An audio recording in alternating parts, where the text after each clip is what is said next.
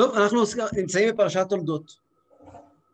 פרשת תולדות היא פרשה עמוסה בפרטים, שחושבים על מה לדבר, באמת הפרשה עמוסה עמוסה, כל כך הרבה נושאים יש בה, שהלבטים גדולים. אז על יעקב ועשיו אפשר לדבר גם בפרשות הבאות, פרשת וישלח בוודאי. על הברכה והקללה כנראה גם אפשר, על הברכה ועל הגניבה של הברכות כנראה גם אפשר להזדבר בהזדמנויות אחרות. אבל על יצחק, אבינו, אין עוד הזדמנויות לדבר. אברהם מוקדשים לו פרשיות לך לך וירא וחיי שרה, וליעקב מוקדשים פרשיות ויצא וישלח וישב מקץ ויגש ויחי. ויצחק אבינו, פרשת תולדות עוסקת רשמית בו, למרות שגם היא עוסקת די הרבה ביעקב ועשיו. יעקב אבינו, יצחק אבינו, דמות אחת מתוך שלושת האבות, פחות מוכרת מתוכם, שיש לה תפקיד מאוד מרכזי וחשוב בין שלושת האבות. התפקיד של אברהם הוא ברור, דיברנו עליו הרבה שבועות האחרונים. התפקיד של יעקב גם הוא ברור, נדבר עליו עוד הרבה מאוד מאוד, כולנו נקראים על שמו עם ישראל. הבחור שבאבות ככה נקרא יעקב. ויצחק, כתוב בגמרא שכאשר משיח יבוא, אמרו דווקא ליצחק כי אתה אבינו, אתה האבא האמיתי שלנו. מה הסיפור של יצחק? מסתכלים לראות מה התורה כותבת על יצחק. התורה כמעט ולא מספרת כלום על יצחק. אנחנו יודעים שהוא נולד, נימו לשמונה, נולד לאבא שלו אחרי הכנות מיוחדות. זה סיפור על אבא שלו. כשהוא נולד אחרי הכנות מיוחדות, אבא שלו היה צריך להגיע לדרגה מאוד גבוהה כדי להוליד אותו, הוא היה צריך למול את עצמו כדי להוליד אותו, הוא היה צריך להחליף שם כדי להוליד אותו.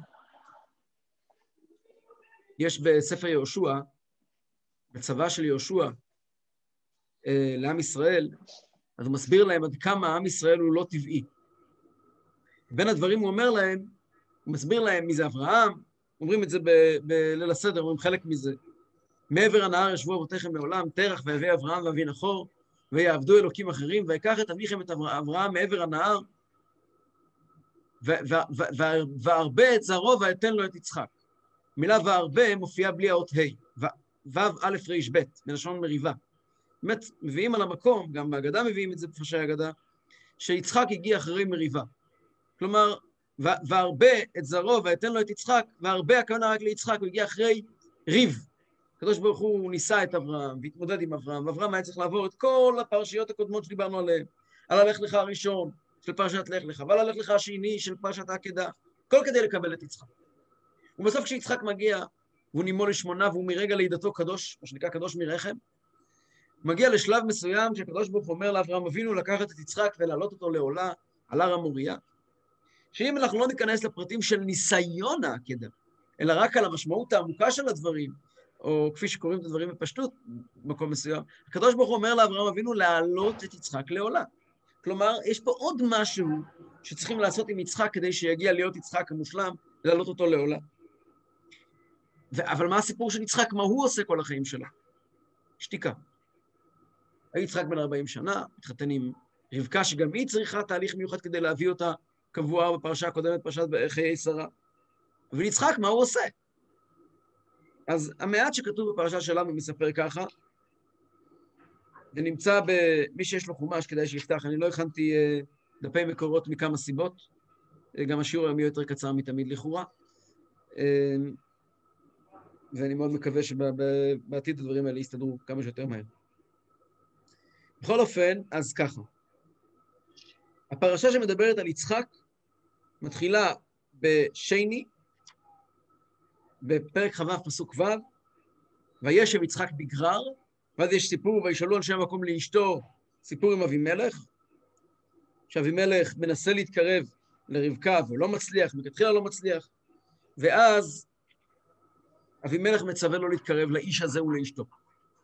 ואז בפסוק י"ב נאמר כך: ויזרע יצחק בארץ ההיא, וימצא בשנה ההיא מאה שערים, ויברכהו אדוני. כך אומר הפסוק, פסוק קצר, פסוק קצר שאומר הרבה, ויזרע יצחק בארץ ההיא, וימצא בשנה ההיא מאה שערים, ויברכהו אדוני. אומר רש"י, בארץ ההיא, בשנה ההיא, שניהם למה?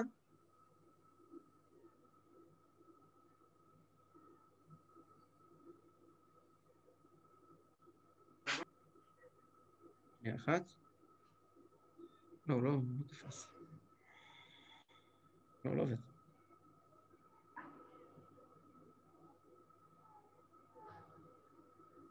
בארץ ההיא בשנה ההיא אומר רש"י,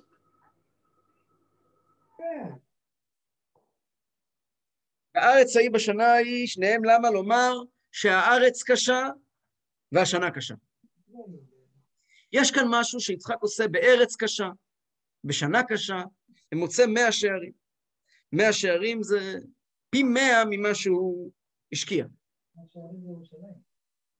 זאת אומרת, לא פי מאה ממה שהוא השקיע, פי מאה ממה שהיה משוער. היה משוער שהיא תגדל, כזו, כזו קרקע מגדלת סכום מסוים של, של תבואה, והתברר שיצא משם פי מאה. ואז התורה ממשיכה ומספרת לנו כך, ויגדל האיש, וילך הלוך וגדל עד כי גדל מאוד.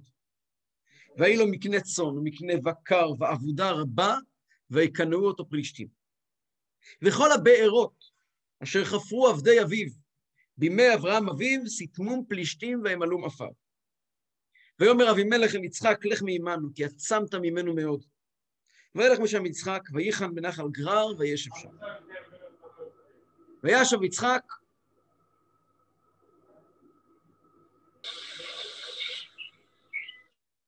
וישב יצחק, ויחפור את בארות המים אשר חפרו בימי אברהם אביו, ויסתמו פלישתים אחרי מות אברהם, ויקרא להן שמות כשמות אשר קרא להן אביו. ויחפרו עבדי יצחק בנחל, וימצאו שם באר מים חיים. ויריבו רועי גרר עם רועי יצחק לאמור לנו המים. ויקרא שם הבאר עסק, כי יתעסקו עמו. ויחפרו באר אחרת, ויריבו גם עליה. ויקרא שמה שטנה. ויעתק משם, ויחפור באר אחרת, ולא רבו עליה. ויקרא שמה רחובות, ויאמר כי אתה הרחיב אדוני לנו ופרינו בארץ. עד כאן. בהמשך, עוד קטע קטן מסופר איך שהוא נוסע משם, ואבימלך מגיע להשלים עמו, להשלים איתו, וכשאבימלך משלים איתו, בפרק, בפסוק ל"א, פסוק ל"ב, ויהי ביום ההוא ויבואו עבדי יצחק ויגידו לו על אודות הבאר אשר חפרו ויאמרו לו מצאנו מים ויקראו אותה שבעה, על כן שם העיר באר שבע עד היום הזה. וכאן מסתיימת פרשת יצחק בתורה. מכאן ואילך זה כבר יעקב ועשיו. גם בפרשת יעקב ועשיו אנחנו יודעים שיצחק, דעתו קרובה אצל עשיו יותר מאשר אצל יעקב. הוא רוצה להעניק את הברכה לעשיו, וגם את זה אנחנו צריכים להבין מה מצא יצחק בעשיו שהוא לא מצא ביעקב. הדברים הם כאלה. כדי להבין את הדברים אנחנו צריכים לחזור חזרה לנקודות שדיברנו עליהן במפגשים קודמים, ככל שיותיר לנו הזמן. דיברנו על אברהם, שאברהם בעצם מתחיל את הכל מההתחלה. מתחיל את כל הרעיון של למצוא את הקדוש ברוך הוא בעולם, העולם שנברא על ידי הקדוש ברוך הוא בפרשת בראשית, ומתנתק מהקדוש ברוך הוא במשך השנים. גלות קשה, גלות. חטא עץ הדעת, ההתרוממות של הקדושה מהעולם, ההסתלקות של הקדושה מהעולם.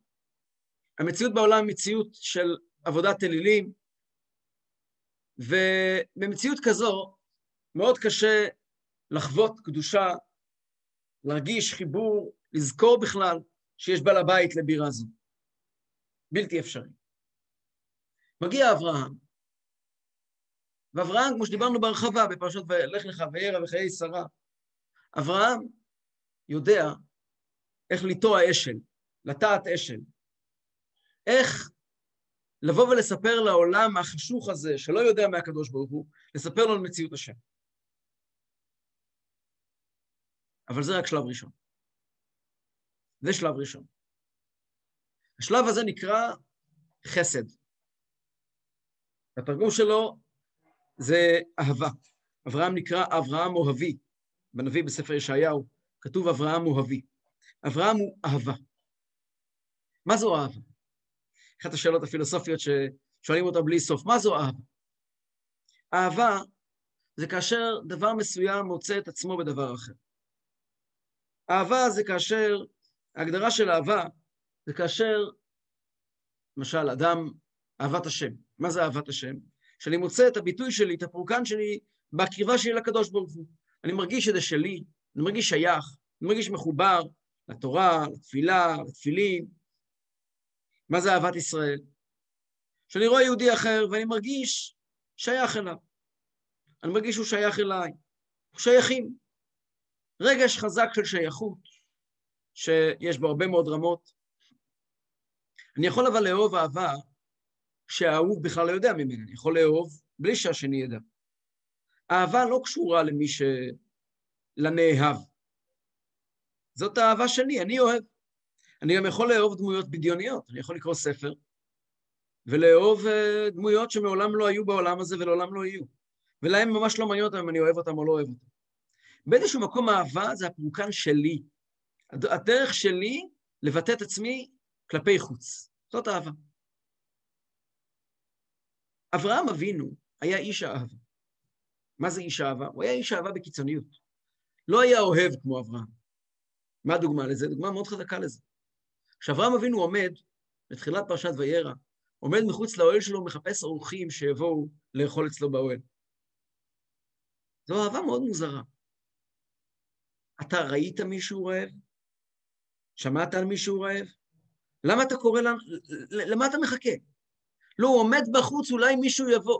אתה פשוט דואג לשלומו של אותו אדם, הוא לא יבוא, חם היום. חם היום. הקדוש ברוך הוא הוציא חמה מן הארתיקה כדי שאנשים לא ילכו ברחוב. אין, הבן אדם לא יעבור כאן ברחוב. חם היום, אף בן אדם לא הולך לראות אף שלו ברחוב. מה אתה עכשיו עומד בחוץ? כן, אבל לי יש צורך להכניס אורחים. אני לא מעניין אותי האורח שצריך בית, קורת גג. לי יש צורך, צורך שלי. זה נקרא אהבה. זו אהבה קיצונית. זאת אומרת, זה לא הפירוש שאני כעת מגיב. אני רואה אדם נמצא במצוקה. אני רואה אדם שצריך אה, לאכול, לשתות במדבר. אני מגיע ואומר לו, בוא, אדם יקר, תיכנס אלינו הביתה, תאכל משהו. לא. אברהם מגיע ואומר, אתה לא מעניין אותי. ממש לא מעניין אותי. אני פתחתי את האוהל כי אני רוצה לעשות חסד. אני רוצה לבטא את עצמי. ככה גם מסבירים, הרי המלאכים שהיו אצל אברהם לא אכלו באמת. כן, רש"י אומר על המקום, שהם רק היו נראים, נראה כאילו הם אוכלים. המלאכים שהיו אצל אברהם, הם לא אכלו באמת, רק נראה כאילו הם אוכלים. אז הוא פספס את כל העניין. ועונים, את אברהם לא עניין אם הם אוכלים או לא אוכלים. הוא היה מוכן שהכל יהיה פייק. הוא צריך לבטא את האהבה שלו. שואלת כאן מישהי, אם זה הצורך שלי, כיצד ניתן לקרוא לזה אהבה? זאת אהבה. זאת אהבה, לדברים אחרים יש הגדרות אחרות. אהבה זה שאני מגלה את עצמי, את האישיות שלי, את הצורך שלי במקום אחר. זאת ההגדרה, זאת אהבת השם, וזה גם אהבת ישראל. שאני רואה אינטרס עבורי שלפלוני יהיה טוב. זה עניין שלי, זאת אהבה. אברהם פעל מכוח מידת האהבה, מידת החסד. אגב, חסד זה בדיוק אותו, אותו, אותו רעיון. מה זה חסד? חסד זה כאשר אני לוקח כסף, למשל, אני נותן אותו לעני, לנצרך. האם כאשר אני נותן לעני כסף, הפכתי אותו לעשיר? במידה רבה התשובה היא לא. התשובה היא לא. לא הפכתי אותו לעשיר. יכול להיות בן אדם שיזכה בפיס ויישאר עני. יכול להיות ששוכבים לו בבנק מיליון דולר, אבל הוא עני. אין עני אלא בדעת, אלא אין עשיר אלא בדעת. לפעמים, כדי לחולל שינוי אצל בן אדם זה לא, כדי. לא על ידי שנותנים לו. אבל גמילות חסד זה לתת. זה שאני נותן, ההוא, השני לא מעניין אותי. שואלת פה אה, גברת כץ, שנשמע נרקיסיסטי, כן, נכון, אהבה לא, אה, שהיא לא בהתקללות, מי שמכיר את המושג, היא באמת נרקיסיסטית. היא חייב הכל להגיע בהתקללות. אהבה לבד זה דבר נורא מסוכן. כל דבר צריך להגיע בצורה נכונה. אבל אהבה לבד, אברהם אבינו לבד לא יכול להתקיים. צריכים אברהם, יצחק ויעקב. אברהם גילה בעולם את אהבת השם, אהבת הבריות, העיב את העולם, העיב את השם על העולם, כלומר, הוא כל הזמן פעל בכיוון הזה של להביא את הקדוש ברוך הוא לעולם. אבל זה רק שלב ראשון. כי אברהם ידע בעצמו שהוא לא יכול לחולל שינוי. שינוי לא מתחולל ככה.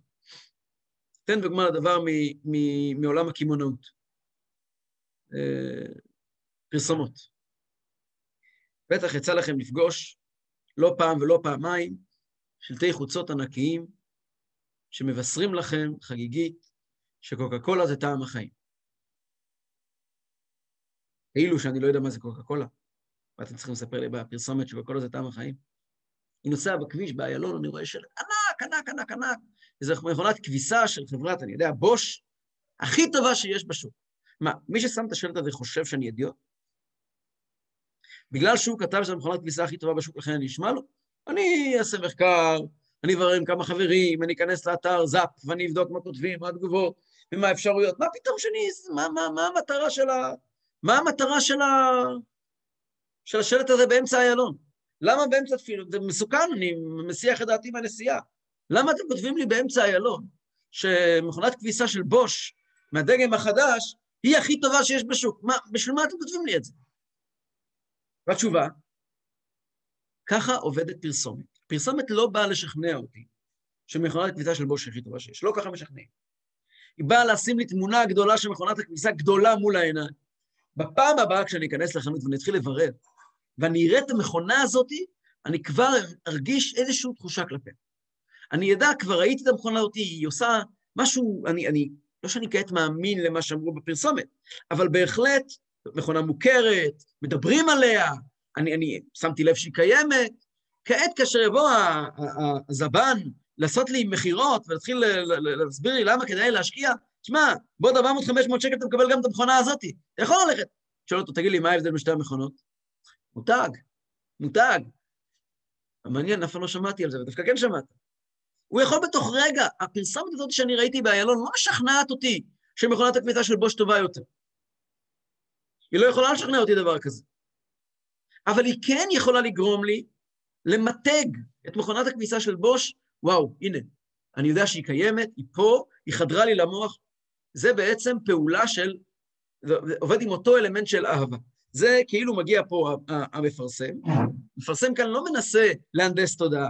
זה לא, הוא לא יושב כעת בעיתון וכותב כתבה, ובדרך אגב, לא. הוא סך הכל שם לי את המילה הזאת כמה שיותר פעמים מול הפנים. ידוע שפוליטיקאים גדולים אמרו שלא משנה מה תכתוב עליי, העיקר שתהיה את שמי נכון. וזה לגמרי, לגמרי נכון, ככה עובדת פרסומת. לא משנה מה תכתוב עליי, העיקר שתהיה את שמי נכון, שידעו את השם שלי. אחר כך, מה יחשבו עליי, זה כבר נראה, מה לעשות עם זה אחר כך. קודם כל, שידעו מי זה שר המים והביוב, שידעו מי מדובר. אחר כך נתחיל לדבר על מה, מה, מה יש לי לספר. אברהם פעל בגישה הזאת, זו גישת האהבה. גישה שמגיעה ואומרת, לא אכפת לי מה אתה חושב עליי, אני מוכר לך את המוצר כמה שיותר פעמים, דוחף לך את זה לתוך התודעה. כשאברהם מסתובב לו בארץ כנען, יורדת למצרים, הלוך ונסוע נגבה, הוא הולך ומתרחב באהבה שלו, הוא צועק כמה שיותר פעמים את הסיסמה הקליטה בשם השם כל עולם. יש הקדוש ברוך הוא לעולם, יש בורא, יש כל אחד, יש, יש תוכנית לעולם, העולם הולך לאיזשהו מקום, העולם הוא לא ג'ונגל, העולם הוא לא נוצר במקרה, העולם הולך ויש לו תוכנית ויש פה מטרה, והעולם... את המילים האלו הוא חוזר כל הזמן. האם מישהו קלט? הרבה אנשים קלטו. אלפי אנשים הלכו אחרי אברהם אבינו, לכל מקום. אנשי, איך כתוב, הנפ...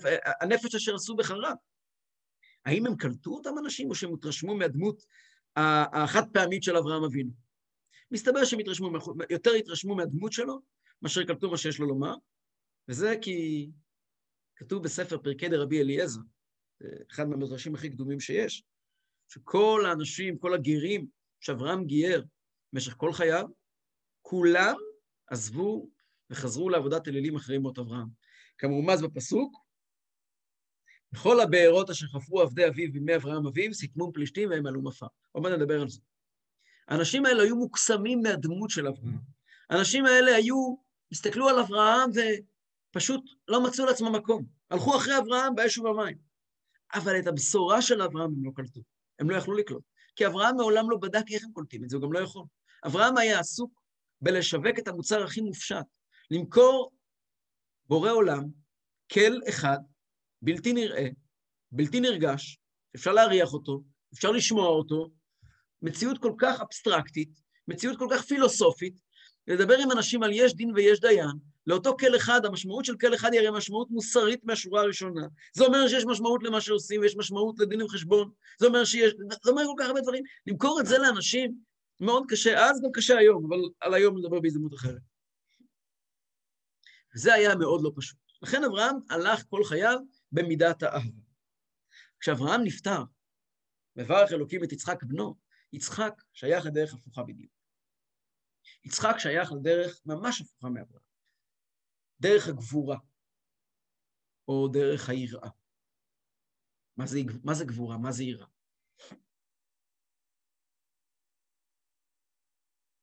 אז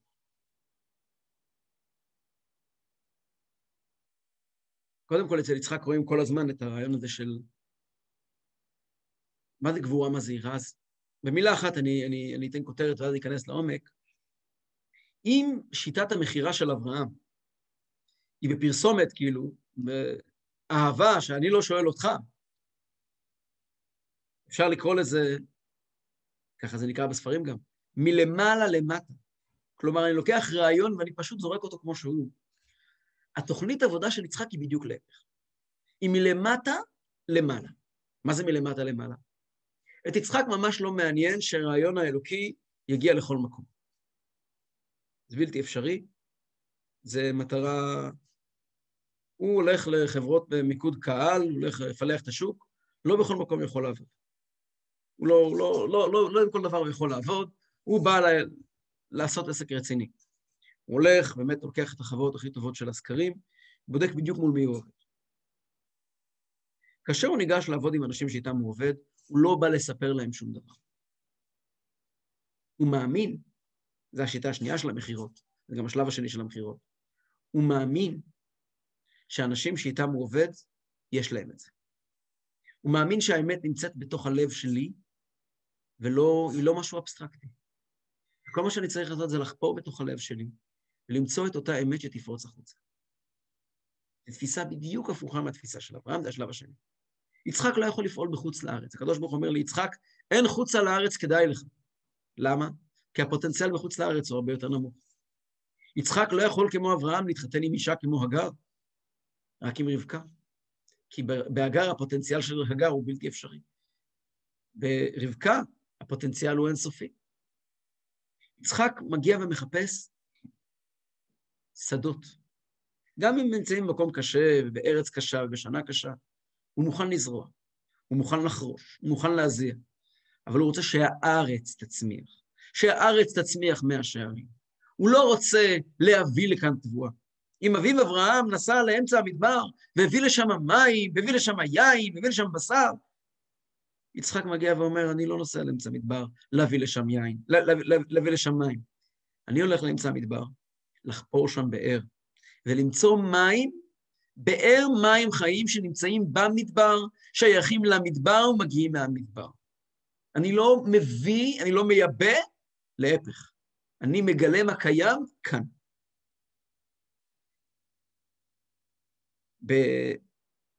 במשמעות של נשמה, אנחנו יודעים שמידת אברהם שיש לכל יהודי, כל היהודי הוא בן אברהם, יצחק ויעקב.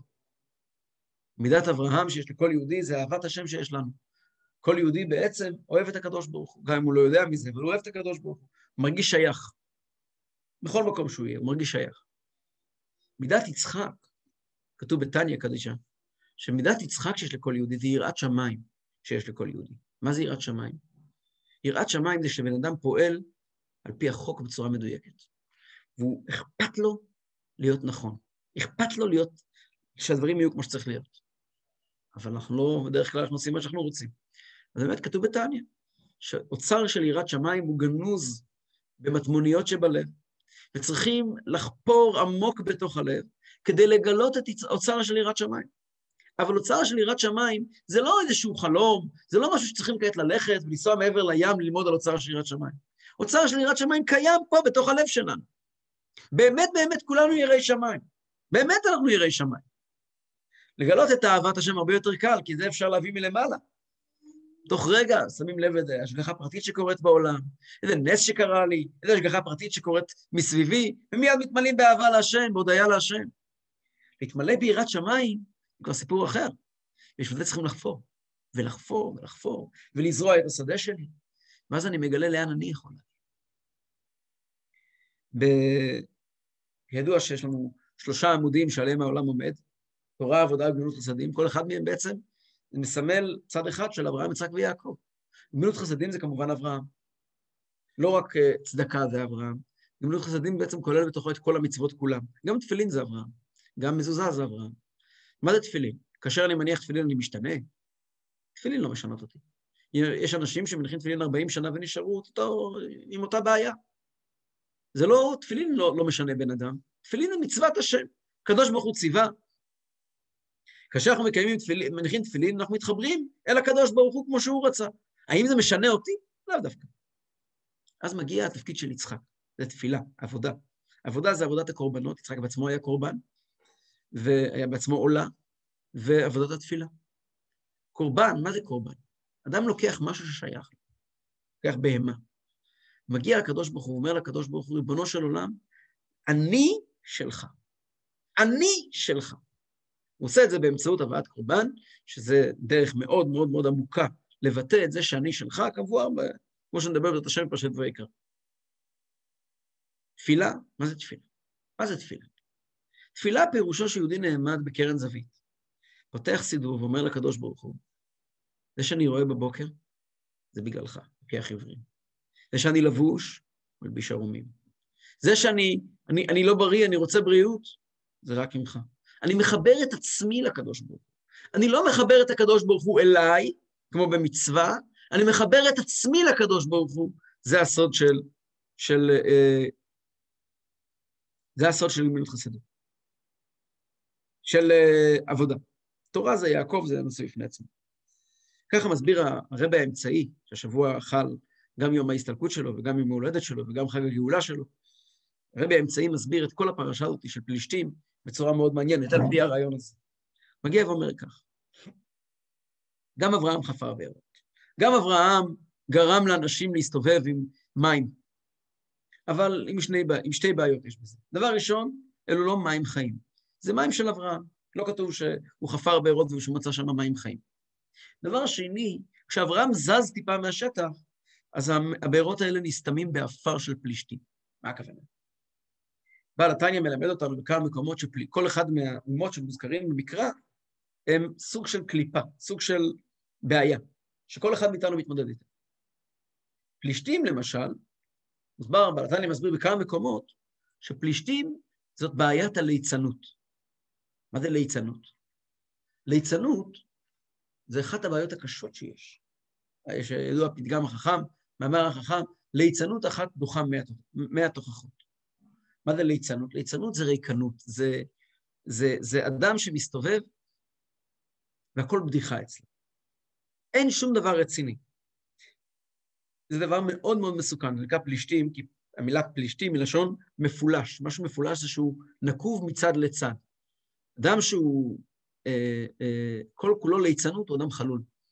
הוא אדם חלול. הוא אדם שאתה מנסה לדבר איתו, מנסה להגיע, רגע, יש לך משהו בפנים? יש עם מי לדבר? ככל שזה נראה בצורה חיצונית, הוא חלול לגמרי. הפלישתים הם מאוד מסוכנים, בעיקר בתחילת הדרך. אם שעם ישראל יצא ממצרים, אז כתוב שהקדוש ברוך הוא לקח אותו לארץ ישראל בדרך ארוכה מאוד, ולא נחם אלוקים דרך ארץ פלישתים, כי קרוב הוא. כי אמר אלוקים פן ינחם העם בראותם מלחמה ושבו ממצרים. כשיהודי יוצא ממצרים, ויהודי צריך לצאת כל הזמן ממצרים, כפי שנדבר בספר שמות, הוא מאוד מאוד צריך להיזהר מהליצנות. שהיא...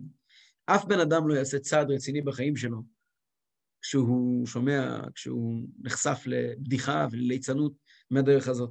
ליצנות זה דבר נורא מסוכן.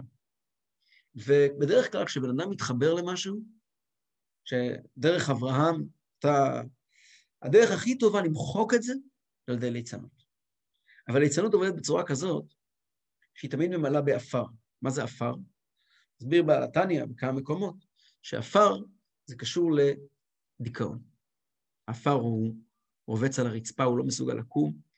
יש קשר מובהק בין ליצנות ודיכאון. אדם שעסוק ב, בלא כלום, כלומר בליצנות, ליצנות אגב זה לא בדיחות. ליצנות זה גם לשבת שעות על הפייסבוק או על הוואטסאפ וסתם, סתם. זה, זה ליצנות. ליצנות זה דבר שאין בו תוחלת. דבר שמרוקן אותך.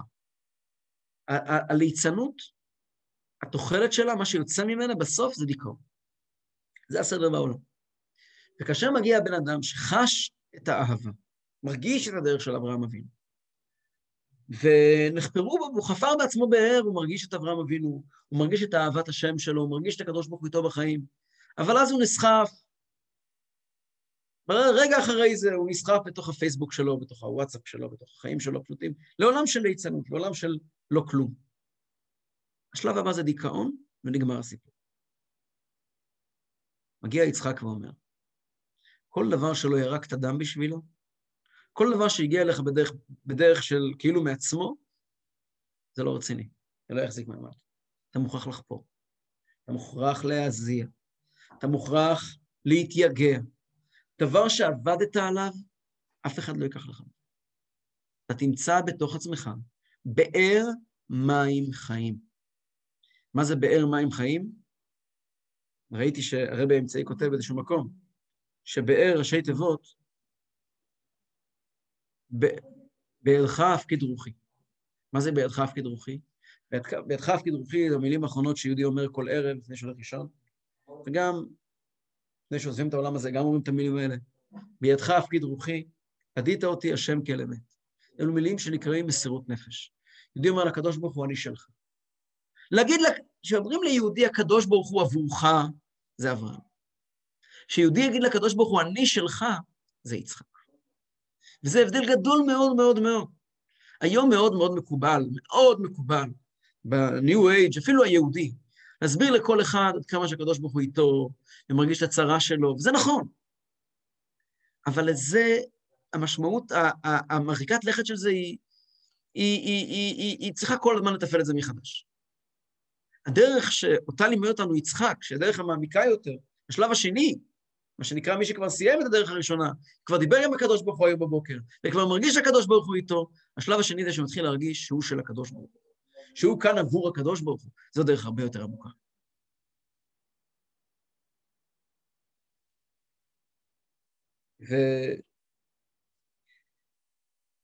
ועל הבארות האלה, יש שלושה בארות. הבאר הראשון נקראת עסק, השנייה נקראת שטנה, והשלישית נקראת רחובות. מוסבר בספרים, הרמב"ן כותב, שהבאר שנקראת עסק היא על שם בית המקדש הראשון, שנחרב בעקבות העסק שעסקו אותנו. והבאר השנייה נקראת שטנה על שם בית המקדש השני, שכתוב שכאשר הוא הוקם, הוא הוקם על ידי שכתוב שכאשר הוא הוקם דיברו שטנה על המקימים. הבאר השלישית נקראת רחובות. כי אתה הרחיב השם לנו ופרינו בארץ, וזה בית המקדש השלישי. והמשמעות של הדברים היא שגם בתוך העבודה שלנו, לבנות לקדוש ברוך הוא באר, לבנות לקדוש ברוך הוא משכן בעולם, יש גם שלוש שלבים, שלושה שלבים. בשלב הראשון, עדיין אנחנו עושים דברים מכוח, מכוח ההרגל, מכוח זה שאנחנו מחוברים לאיזשהו דבר עליון. בית המקדש הראשון עומד דוד המלך ושלמה המלך ושמואל הנביא וגד החוזה ואומרים לנו איך לעשות ומה לעשות. ובאמת, זה מחזיק זמן, כי יהודים עשו את זה מכוח המאמצים שלהם. זה לא היה, זה לא היה דבר שירד מן השמיים, אבל זה מסתיים בסוף. הבאר השנייה, כלומר בית המקדש השני, הגיע על ידי שארית הפלטה, אנשים שעלו מן הגולה, באמת בכוחות האחרונים שלהם, בכוחות שלהם הלכו ובנו בית המקדש השני, והחזיק יותר זמן מאשר בית המקדש הראשון, כי זה היה מאמצים שלהם, זה היה בשיטת יצחק. אבל גם הוא חרב. פה מגיע הסוד הגדול. גם כשחורב, כשנחרב בית שנבנה מתוך מאמצים, תדע לך, שכל המאמצים כולם מצטרפים לבניית בית שלישי, שבו מתחברים גם המאמצים שלך וגם הרצון של הקדוש ברוך הוא לנקודה אחת, וזה הבאר השלישי, שמה רחובות. ומכאן לעשו. לאברהם היה בן, קראו לו ישמעאל. ישמעאל לא היה מוגדר כיהודי. הוא נקרא גוי על פי כל גדרי ההלכה, אימא שלו לא הייתה יהודייה. הוא נימול בגיל 13, אבל הוא עשה תשובה. הוא עשה תשובה, והוא מת כבעל תשובה. שהדבר הזה מבטא מאוד יפה את כל החזון של אברהם אבינו. החזון של אברהם אבינו לא היה שרק יהודים יכירו בקדוש ברוך הוא. החזון של אברהם אבינו לא היה שרק מי ששייך לזה יהיה מחובר לאמת. החזון של אברהם אבינו היה שיסתובבו בעולם ישמעאלים, כלומר אנשים שלא מחוברים לכלום, ויחזרו בתשובה, כלומר יעשו את רצון השם. יצחק, בדיוק להפך. ליצחק ישנם, ישנם גם שני בנים, עשיו ויעקב. עשיו הוא יהודי בדיוק כמו יעקב, ההלכה מגדירה אותו ישראל מומר. הוא יהודי, הוא בן ישראל, הוא נחשב ל, על פי ההלכה ליהודי, בלי להיכנס להגדרות ההלכתיות של לפני מתן תורה, אבל הוא נחשב, כך כתוב בחז"ל, ישראל מומר. אמא שלו זה רבקה אימנו. אמא שלו זה רבקה אימנו בדיוק כמו יעקב. ועשיו הזה, כידוע, יש לו פוטנציאל. יש לו פוטנציאל. כתוב שראשו של עשיו נמצא במערת המכפלה בין ידיו של יצחק. כתוב בתרגום יונתן, רישי דעשיו בגו כתפי דיצחק. ראשו של עשיו נמצא בידיו של יצחק במערת המכפלה. גופו של עשיו נמצא בהר שעיר. ראשו של עשיו נמצא אצל יצחק. כי עשיו השורש שלו מאוד גבוה בקדושה, ונדבר על זה הרבה בפרשת וישלח בעזרת השם. כלומר, יצחק מסתכל ואומר, איפה יש לי פוטנציאל? זה מה שהוא מחפש. הוא לא מחפש איפה אני יכול לדבר, איפה אני יכול להשפיע. הוא מחפש איפה יש פוטנציאל. ולכן יצחק דווקא מתקרב לעשיו, שעשיו אצלו יש את הפוטנציאל. יש גם אצל יעקב, אבל אצל עשיו הפוטנציאל יותר גבוה, כפי שעוד נדבר בעזרת השם במפגשים הבאים. זו הסיבה שיצחק מקרב כל כך את עשיו. מה לומדים מזה לחיים שלנו? הרבה דברים. קודם כל, שצריכים להשקיע. ומה שלא משקיעים, כל מה שמגיע בדרך ממילא, אין לזה משמעות אמיתית לאורך זמן. זה טוב כהתחלה, אבל זה לא טוב לאורך זמן. דבר שני שלומדים מזה, שהרבי מלובביץ' לומד באחד השיחות שעוסק בנושאים האלה, אם יצחק יסתכל תמיד וחיפש את הפוטנציאל שבכל דבר, ומצא גם בעשיו פוטנציאל, וזה עוד היה לפני מתן תורה, אנחנו בני יצחק, מחובים, מחויבים, מצווים, לחפש תמיד בכל מקום, אצל כל יהודי, את הפוטנציאל הקדוש שלו, ולעזור לו להתרומם, ולגלות אותו, ולמצוא את הבאר מים חיים שלו, שישקה את השדה ויצמיח מאה שערים. אבל כפי שאמרתי מקודם, השיעור היום יהיה קצר יותר, אני מתנצל, אבל uh, מקווה שבעזרת השם, בעתיד, דברים יחזרו להיות כפי שהם צריכים להיות. תודה רבה, להתראות. תודה רבה, לילה טוב. תודה רבה, לילה טוב, שבת שלום.